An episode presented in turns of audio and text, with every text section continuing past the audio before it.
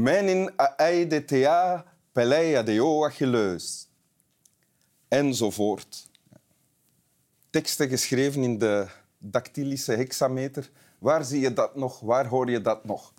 In Winteruur bij Wim Helsen, Igor de Hond en vandaag Olga Leijers, mijn gasten. Welkom, welkom, welkom, welkom, welkom, welkom, welkom. Dag Wim. Hallo. Hallo.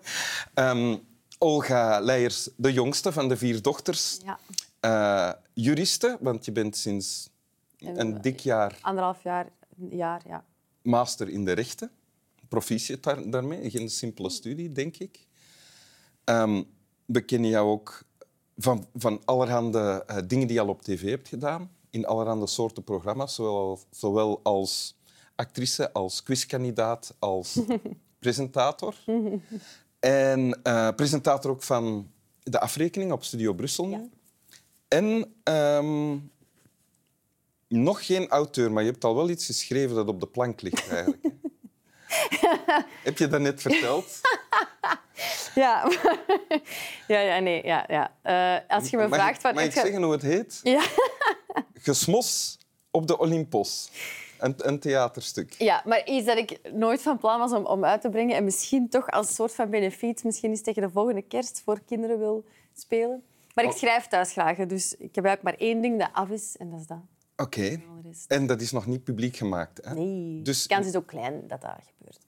in afwachting van het feit dat er iets publiek gemaakt wordt, zullen we iets eh, lezen? Ja. Iets van Spinoza. Yes.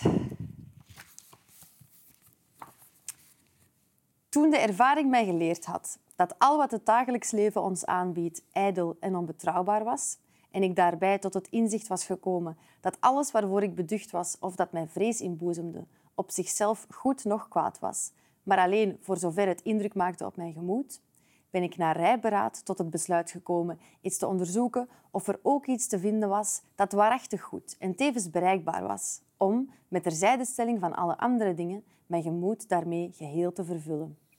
Ja, Wauw, dit is één zin. Hè? Ja, heb ik ook pas beseft vandaag.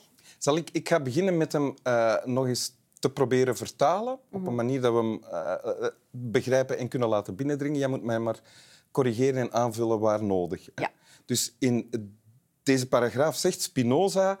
ehm, ik ben tot een inzicht gekomen, namelijk dat alles wat het dagelijks leven ons aanbiedt, alles waar we naar streven, waar we, waar we voor leven... Alles rondom hem, Ja? Iedereen rondom hem, Ja? eigenlijk alleen maar bezig is met ijdelheid. En in zijn uitgebreidere tekst zegt hem ijdelheid, eer en lust. Ja. En hier noemt hij het ijdel en onbetrouwbaar. Dus het betekent niks, die dingen die we naast. daar zit al in van... En eigenlijk word ik daar niet gelukkig van. Van het feit dat de wereld rondom mij zo is. Maar Staat er niet letterlijk, maar die suggestie. ja, wel, waarvoor ik beducht was of dat mij vrees inboezemde, dat is toch een beetje onder, zo, onder de indruk zijn in de slechte zin Ja. van al die ijdelheid rond u. En dan zegt hij van dat is op zichzelf goed nog kwaad. Dus, Ja. Dus dat, is al heel wel- troostend. Van, de wereld sukt, maar goh, Ja. misschien, misschien ben ik degene die fout is. Ja, en dat is een, dat is een inzicht tussen al die dingen die hij vroeger dan voor of tegen elkaar afwoog, die blijken eigenlijk onbelangrijk te zijn. En dan komt er de maar. Eh, maar alleen voor zover het indruk maakte op mijn eh, gemoed. Dus die dingen die bestaan en die krijgen alleen maar betekenis Ja. als ik ze betekenis Voilà. geef. Hè, goed, slecht, weet ik wat. Eh, en dan is hij tot een besluit gekomen om eens te gaan onderzoeken of er ook iets te vinden was dat al die dingen overstijgt. Ja. En dat de moeite waard is om naar te streven. Dus eigenlijk zegt hij, er is geen goed of kwaad, maar ik ga toch op zoek naar iets dat toch echt zuiver goed is, intrinsiek goed is en Ja. mij het hoogste geluk zegt hem. En dus in de uitgebreidere tekst spreekt hem, hier zegt hem ijdel en onbetrouwbaar, maar hij spreekt altijd specifiek over zo eer, rijkdom en lust. Ja. En hij zegt, als ik het hoogste geluk wil bereiken, dan ga ik die drie moeten laten voor wat dat is. En, dan, en hij zegt, dat is trouwens een risico dat ik neem, want ik weet niet of het überhaupt bestaat, dat hoogste geluk. Maar ik weet wel, als ik dat wil bereiken, moet ik die drie laten. Noemt hij het hoogste geluk? Want hier spreekt hij... Ah ja. Hij noemt het ook vaak het hoogste. Hij wisselt zo wat af, maar hij, eh, hij zegt ook het hoogste geluk. Ja, en hier is dat dan in deze paragraaf verbonden met iets dat waarachtig goed Ja. is. Ja. En is dat goed als morele categorie? Ik denk het. Ik ben, want de- voor alle duidelijkheid, ik voel me zo wat snobbish. Dat ik, ik ben totaal niet... Dit boek ziet er versleten uit omdat ik lui ben en rommelig ben. Niet omdat ik het al heb, helemaal van voor en naar achter heb gelezen. Maar ik was eigenlijk in een examenperiode zo wanhopig. En ik zag zo'n reeks staan die mijn mama had verzameld van de morgen over elke filosoof. eh, Zo'n beetje. En ik pak Spinoza, niet toevallig. Je want- was wanhopig op- omdat je... Oh, wanhopig ongelukkig van mijn studie. Oké, Ik ja. vond examens verschrikkelijk. Faalangst? Perfectionisme en ehm, enorm veel uitgaan en mijn hevige ik zijn tussen twee examenperiodes. Algehele slimperigheid. Ja. En, dan, en ook dan nooit eh, verleden. En dan in die examenperiode terechtkomen en denken van, ik raak er nooit Oh, door. Ja. de plastiekjes van die cursussen. En dan doen. raakt alles naar beneden. Ja. Dan pak je Spinoza vast. Hoe vaak dat mijn ouders ook wel niet hebben gezegd tegen mij van stop nu eens. Het enige wat je moet doen zijn die bladjes leren. Stop met je. Ik was altijd... Vanaf dat ik aan die bureau zat, was ik in een soort existentieel crisis-universum. En die zeiden van, allee, al wat je moet doen is eigenlijk... Je moet zoiets concreet doen. En, maar dat voor mij was dat... Oeh, ik begon helemaal te trippen van Ja. achter die bureau alleen te zitten. Wonderlijk dat je eigenlijk je studie hebt afgemaakt. Echt. Met grote onderscheiding. In corona ook, hè. Ja. Ja. Vanaf dat corona was, heb ik dat heel vlot afgemaakt. We zijn nu aan het afwijken, maar op zich is het wel een, een heel herkenbaar fenomeen voor veel mensen die ooit moeten studeren hebben, denk ik. Dat plots al die boeken die voor u liggen eh, alleen maar weerzin Ja. en weerstand oproepen en alles daar rond interessant wordt. Maar bon, sorry. Ja, en ook omdat, dat is ook waarom dat ik niet veel lees of heel traag lees als ik lees. Ik begin veel te snel te freewheelen in mijn hoofd. Dus als ik ene zin lees, dan wil ik er eigenlijk al allee, zelf over... Dat is al bijna genoeg voor mij. Ja. Ik heb ook... Maar dus, in die, je was in die toestand, Ja. je sloeg Spinoza open. Ja, en dus Spinoza, omdat ik wist dat dat de eh, favoriete filosoof was van, van Weil, Etienne Vermeers. Die dan weer ehm, leraar, allee, prof was geweest van mijn beide ouders. Die allebei filosoof zijn. Ja. En ook enorm opkeken naar eh, Vermeers. En dus dat was niet toevallig. En ik deed dat open en ik kwam op die pagina terecht. En dat was direct zo'n troost. Dat, is- dat cynische vind ik zalig. Ja, vind je Dat cynische. En dan toch van, ah nee, maar ik ga toch op zoek naar het hoogste geluk. Maar zo dat, en zeker in de uitgebreidere versie die ik dan later heb opgezocht, is die zo cynisch. Allee, zegt, zegt Spinoza letterlijk van, ja, alles rond mij, ik vind het eigenlijk vreselijk. Dus je- je hebt het nu over de eerste helft van deze paragraaf. Ja? Over, ik van, heb- eigenlijk specifiek de zin, toen, toen de ervaring mij al geleerd had dat alles ijdel en onbetrouwbaar, dat zegt hem ook nog uitgebreider verder. En dat vind ik zo... Ik vind dat heel leuk als mensen... ehm, ja, En dus het feit dat hij zegt of iets goed is of kwaad, niks is in- intrinsiek goed of kwaad, Ja, zegt hij. ja, hè? ja. En dat hielp jou op dat moment. ja, ja. En ook omdat Waarom dat... dan?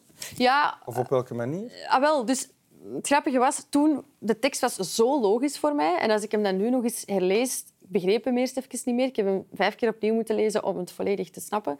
Nu weet ik terug exact wat ik ervan vond toen.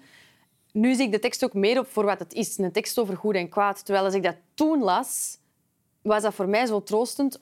Omdat ik met mijn ene been in tv-land stond, met mijn ander in mijn studies. En die dualiteit constant. En, oh, en dat is showbiz en dat is een serieuze Had je het studie. gevoel dat je moest... Ja, je moest wel ja ik had het gevoel dat ik moest kiezen. En ik had het gevoel dat ik altijd alleen maar fout kon kiezen. Ik had het gevoel dat ik alles om de foute reden deed. Misschien is dat ook dat ik troostend vind. Van, er is geen... Oh ja. eh, dus, dus, En hij zegt, er zijn geen foute redenen. Ja. Ah, ja, ja. dus ja, dat allemaal. Ehm, En heb je dan nu, in retrospect, de idee van ik heb de goede keuze gemaakt? ja, Want je doet niks met je rechtenstudie. Nee, maar dat is, ik sluit dat zeker niet uit dat ik dat nog wel doe. Eh, of dat ik nog af, of, op een Bali-stage begin. Of, of... Dat helpt mij ook gewoon in mijn leven nu. Ik verkoop schoenen. maar eh, het helpt mij wel. Ja. In, allee, ik heb gestudeerd en ook meer en meer, meer breder. Ik eigenlijk meer in de mode algemeen. En, ehm, En is er ondertussen ruimte, of was er toen op het moment dat je dit las, kwam er ruimte vrij om te streven naar iets wat waarachtig goed is en tegelijk bereikbaar? Ik had wel het gevoel door mijn studie af te maken dat ik dat deed.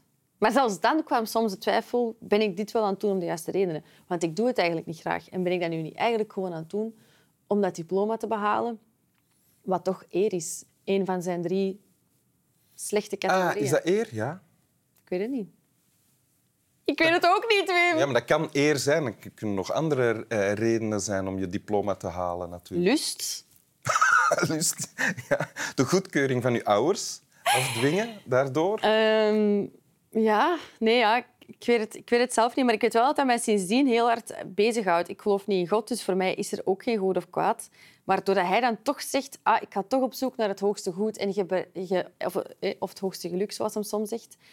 Ehm, en je kan dat alleen maar bereiken als je die andere drie laat. Mhm. Ik kan u zeggen, zelfs nu nog, als ik iets wil posten op Instagram, sta ik daar twee seconden bij stil. Dat heeft eigenlijk misschien zelfs een grotere impact dan ik durf toegeven. Dat stukje tekst in mijn leven. Alles dat ik doe, besef ik, ach, dit is één van de drie. Dit is of rijkdom, of eer, of lust. Maar ik ga het toch doen. En zolang ik zo'n keuze blijf maken, zal ik nooit dat hoogste geluk bereiken. Ja. Wil je toch nog eens voorlezen?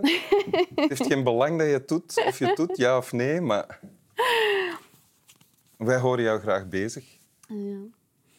Toen de ervaring mij geleerd had dat al wat het dagelijks leven ons aanbiedt ijdel en onbetrouwbaar was, en ik daarbij tot het inzicht was gekomen dat alles waarvoor ik beducht was of dat mij vrees inboezemde, op zichzelf goed nog kwaad was, maar alleen voor zover het indruk maakte op mijn gemoed, ben ik naar rijp beraad tot het besluit gekomen eens te onderzoeken of er ook iets te vinden was dat waarachtig goed en tevens bereikbaar was, om, met terzijdestelling van alle andere dingen, mijn gemoed daarmee geheel te vervullen. Dank je wel. Dank u wel. Slaap wel.